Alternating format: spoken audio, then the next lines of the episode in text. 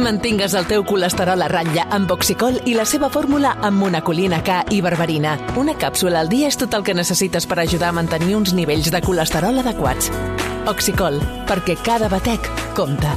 I recorda, troba-la a la teva farmàcia. Havia de ser de Kern Pharma. Au village sans prétention, j'ai mauvaise réputation. Avui normalment diríem Santi Jiménez bon dia, però abans direm Malcolm Motero bon dia, perquè és eh, l'únic que és a l'estudi. Hola, Malcolm. Què tal, bon dia? Perquè tenim un senyor... Tira'm, tira'm, Dani. Sur l'avenue, le cœur ouvert à l'inconnu. Sí, sí. J'avais envie de Passejant una mica per, per aquest país veí que és França. Hola, Santi Jiménez. Bon dia a tothom. On estàs? Ara mateix a Bordeus. A Bordeus, eh? Sí, I què tal, Bordeus? molt bonic, molt bonic. Me l'imaginava més gran. Me l'imaginava més gran. Què fas per, per França? Vaig a la catedral, degustar els vins... No, home, hi ha l'Eurocopa. Hi ha l'Eurocopa, eh? Està tot tranquil o no gaire? Aquí bastant tranquil, eh? Val. Vull dir, ex- excepte la, la, la taja que es van agafar els galesos ahir. Ah, sí? van- Sí, però, però en plan bé, no com els anglesos a Marsella. Ja. Però, però bé, bastant, bastant controlat. Molta policia al voltant dels estadis i, i molta seguretat, però d'entrada bastant tranquil. De moment. Va, escolta'm... Um... Molt més tranquil que la selecció espanyola, per dir No, sí, sí, sí, ja, ja, ja en parlem de la selecció espanyola més endavant. Escolta'm, a quin personatge volíeu fer avui? pues mira, avui segurament farem el, el personatge menys popular dels que hem tocat fins ara. Sortosament és una figura que ha quedat a l'oblit, però que va tenir molta rellevància a la primera meitat del segle XX en ambients literaris i atraferits, no? Especialment perquè es va liar, se va tenir una relació amb, el, amb Robert Graves, l'autor de Jo Claudi, que és aquest monumental poeta i novel·lista. Mm -hmm. Graves va ser l'autor de, de Jo Claudi, que, que és una novel·la que, com tots sabeu, passa a l'imperi romà, hi ha bogeries i passions. I si Graves necessitava certa inspiració per dibuixar dones, dones que els hi faltaven un bull, la tenia a casa. Parlem de Laura Reading, coneguda també com La Bruixa. Com que la bruixa? Sí, sí. És que Riddick era una senyora que literalment feia por. Ah, sí? Era una escriptora maleïda, això vol dir que no l'entenia ningú, i precisament per això es va fer de culte. Pels de l'ESO, quan diem de culte, és com quan parleu als vostres pares del Rubius i no els hi fa gràcia. Hi ha un magnetisme que treia a pobres diables a les seves xarxes i els destrossava la vida sense pietat.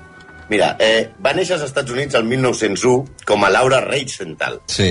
Vull dir que no, no, no, no, hi ha, no és que vulgui dir que hi hagi una forma de Laura Reichenthal, sinó que és el nom que li van posar. Eh? D'acord. Des, després del seu primer matrimoni es va passar a dir Laura Golschak, i com aquest nom no li agradava, quan es va divorciar del seu marit, que no sap la sort que va tenir aquest home, va començar la seva carrera de poetesa i va triar el nom de Laura Reading, perquè quedava millor. Una mica com els raperos, no? que no es poden dir noms normals si vols triomfar. Sí. Reading formava part d'un grup de poetes americans que es feien anomenar els fugitius. Una gent que no publicava una obra, però que es reunien per veure, fornicar i fer plans sobre un món nou que es fundaria sobre una nova escala de valors en la qual els poetes serien els que dissenyarien la societat. I després diem que Podemos és antisistema, eh? Reading va entrar en contacte amb Robert Graves per via epistolar. A veure, pels de l'ESO us explicarem que la via epistolar és com un WhatsApp, però escrit a mà i bastant més llarg. Les cartes. Sí, exacte.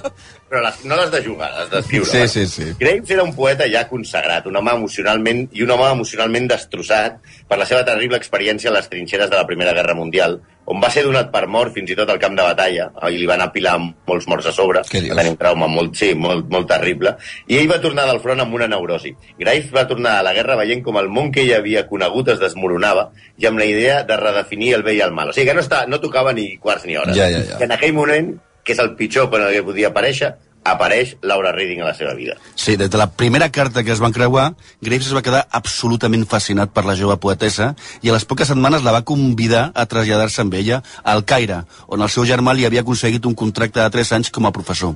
El problema és que ella va acceptar i, sense pensar-ho poc ni mica, va deixar els Estats Units per instal·lar-se amb Graves. A- amb Graves, amb la seva dona i amb Què els seus quatre fills. què dius? Cuidao, aquí, eh? Graves estava casat amb Nancy Nicholson, una pintora molt moderna, també d'esquerres i feminista, que en principi li va semblar entretingut que el seu marit incorporés a la vida familiar una deixeble. Bé, entretinguts, el que es diu entretinguts, van estar bastant, eh? Sí. Alan Tate, un dels poetes amics de Laura que formava part d'aquest grup que es deia abans, que es deia Els Fugitius, va fer un gran diagnòstic de la situació. Va dir literalment, presenteixo un desastre. Laura és, sens dubte, la dona més boja que he conegut mai i si Graves, i si Graves no està ja boig, cosa que sospito perquè ha convidat a casa seva a cegues a una senyora que no ha vist mai, es convertirà en un maníac a mans d'un mes. I la va clavar. Tate la va clavar. Només instal·lar-se al Caire, Laura va fundar el que ella va anomenar com el Cercle Sagrat. Ai, ai, Això, ai, ai. per- per l'enclar, vol dir que era un menatge a trois en tota regla. Vinga, vinga. Sí, sí. No obstant, al poc temps els papers al menatge a trois van quedar clar. Mentre al pis de baix de la casa, Nancy, l'esposa de Graves, cuidava dels nens i de la casa, al pis de dalt, Robert i Laura es passaven els dies escrivint i les nits cuidant-se l'un a l'altre. Ja, ja, ja, ja, ja, ja. Això sí, per completar el cercle, quan Laura es xuscava el Robert, Vinga. feia sempre amb un penjoll amb el retrat de la seva esposa de, amb l'esposa de Graves al coll, perquè així, d'alguna manera, la legítima també participava en el- en el- en l'acariciament. Sí, quan estaven al llit ho fèiem al penjoll amb la cara de l'altre. Sí, perquè així se suposa que eren tres. No? Déu meu. Molt és maco. com aquests eh, futbolistes que porten a, a les espinilleres amb, el, amb la mare allà Ja, dibuixada. ja, ja, ja, ja. Amb un, amb un tatuatge.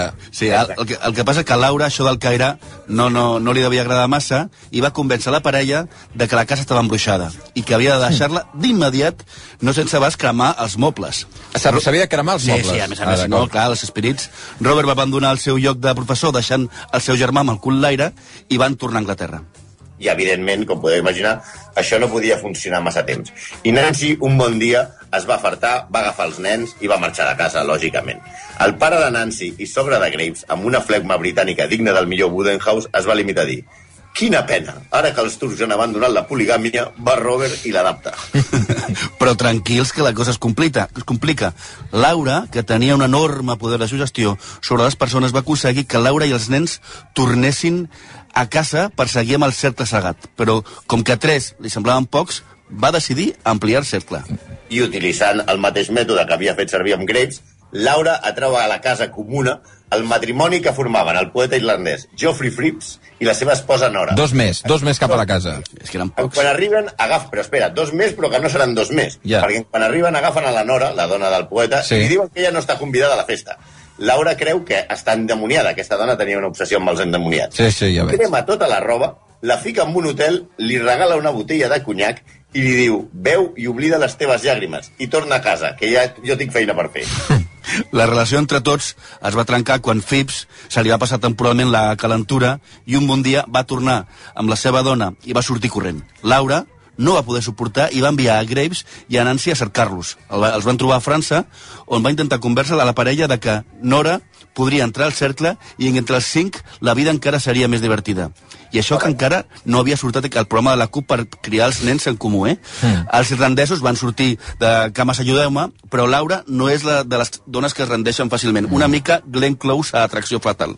Ara el que veia és fantàstic. Després d'assetjar a Phipps, el poeta irlandès, enviant-li per correu les coses més inimaginables que acaben en un sobre. Si li enviava bitllets de tramvia utilitzats, filferros, menjar mastegat, tot això com per fer-li No. per fer-li veure que tornés. Era una mena de bruixeria. Doncs pues va el tio aquest i torna! Oh! Sí, increïble. I aleshores tenen una mena de consell de guerra, durant el qual devien veure bastant, que en el qual eh, Laura i Robert intentaven convèncer d'aquest pobre home que es quedés a viure amb ells a casa. Davant la seva negativa de consumar la secta en la que Laura era la deessa, Laura surt del balcó tota emprenyada i es llença al carrer. Des d'un quart pis, Grace baixa les escales tot espantat per veure com ha quedat, però quan va pel tercer pis diu si la Laura s'ha matat, la meva vida no té sentit, i salta ell des del tercer pis. Què dius? Aleshores, què fan els, el Phipps i la Nancy, que eren les dues parelles d'aquests? Els que havien arribat tard, o sigui, els que havien arribat després. Queden i diuen, escolta, saps què? Que es quedin aquests Fotem els avall i, i, tu, i tu i jo fugim. I, i ja està. Però clar, perdona, perdona, però Santi, clar, o sigui, ara tenim que la Laura ha saltat del quart pis, el Robert del tercer, i... La dona del Robert s'ha anat amb el poeta que es volia xuscar la Laura Sí. i se'n van els dos. Clar, clar, però el que pregunta el Xavi és què va passar, Què va passar amb amb la? Laura i el Robert, que havien saltat d'un pis. Doncs el que va passar és que no es van fer gairebé res. Robert només va patir cops i Laura, tot i trencar-se la columna vertebral, no va quedar paralítica, cosa que la va reafirmar en la seva bogeria i la creença de que era una bruixa i que havia renascut de la mort. Per celebrar-ho, van marxar de lluna de mel a Mallorca, que és el que es feia abans, i van quedar-se a viure d'allà, perquè consideraven que els pagesos de Mallorca eren els que tenien millor vida. Per entendre'ns, van ser pioners del que després van fer Clàudia Schiffer, eh, Michael Douglas o El Pocero. Sí. A Mallorca, Laura decideix que actuarà com una deessa, ja està totalment girada, i renuncia al sexe y té a Graves com a, l'IB, a Graves com a l'IBM. I veme a por tabaco, i veme a por i veme a buscar los niños, i veme a buscar el pan. Això afecta bastant al poeta que escriu a un amic que li dona la següent explicació de com ha evolucionat la vida en parella de la seva exdona i el seu examic Joffrey. Atenció al que diu Graves, eh? El Joffrey Boig va morir el mateix dia que el Joffrey massa sensat. Aleshores va néixer el Joffrey mig, que és el Joffrey amb la Nancy. Laura encara estima el Joffrey amb la Nancy, però ella escriu com Laura, no com Laura en Joffrey, mentre ella escriu com Joffrey, no com Joffrey amb la Nancy. Hòstia, No sé hòstia, si us ha quedat clar, però Ui, jo, ui, ui, ui. jo em moro de ganes d'anar a viure amb aquells. No, va, i tant, i tant. Sí, sí, ara entenc on es va inspirar Gran Hermano per fer el, el pis. No, de fet, el que escrivia Laura, que eren uns poemes que no, no venien ni, ni sent exemplars, però es publicava perquè Graves posava als seus editors la condició de que si el volien publicar, havien de publicar eh, a Laura al, al PAC. Va deixar la poesia a l'any 41 i aleshores es va dedicar a escriure una mena de diccionaris que redefinirien el món conegut, anomenat Vulgata i un gegantí manifest intel·lectual que canviaria també el món, anomenat, que això sí que fa por, el primer protocol, i que no l'entenia ni Albert Serra.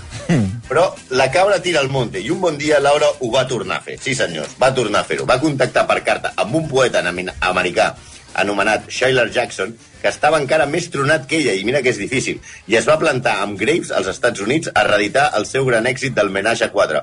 Foursome, li diuen a YouPorn. Aquests sí, no sí. els expliquem, els de l'ESO, que ja ho saben. Evidentment, Jackson també estava casat amb una dona que es deia Kit, com el cotxe fantàstic. El resultat va ser l'esperat, Fatal. un desastre. Oh, clar. Grace va fotre el camp i es va casar amb una dona normaleta deixant-li a Jackson la perla de la Laura, que li va fer la vida impossible a Kit. Tant va ser així que un dia Kit va tornar-se boja i va intentar assassinar la seva pròpia filla i va acabar en un manicomi. Laura va fer creure a tothom una altra vegada que la dona del seu amant estava també endemoniada i va viure amb el torrat del Jackson la resta de la seva vida escrivint una obra gegantina que mai es va arribar a publicar per sort. Set anys després de separar-se de Reading, Graves va escriure La deessa blanca, una de les seves obres més reconegudes, que Laura va denunciar que li havia plejat. Deixant de banda que és impossible perquè aquesta s'entén, tots els experts en Graves consideren que aquesta acusació és un nou deliri de la bruixa que va deixar el món, el món tranquil·lament el 1991. fa Lau. Laura Reading eh, és el personatge a través de Robert Graves que, que volia parlar als, als il·lustres execrables. Eh, escolta, Santi, vés a passejar eh, pels Champs-Élysées a, la, a la que puguis, eh? Home, de, home, em queda una mica lluny de Bordeaux. Bueno, bé, eh, quan, quan, no, no aniràs a París? Sí, sí, de, espero arribar a París la setmana que ve. I, i el Malcolm s'hi afegirà, segons com. Sí, po posa'm els peus de la senyora de Villar. eh? Ara, exacte. Les, les 10 i 7 minuts, gràcies Malcolm, gràcies Santi. Ens Una veiem. abraçada, adeu.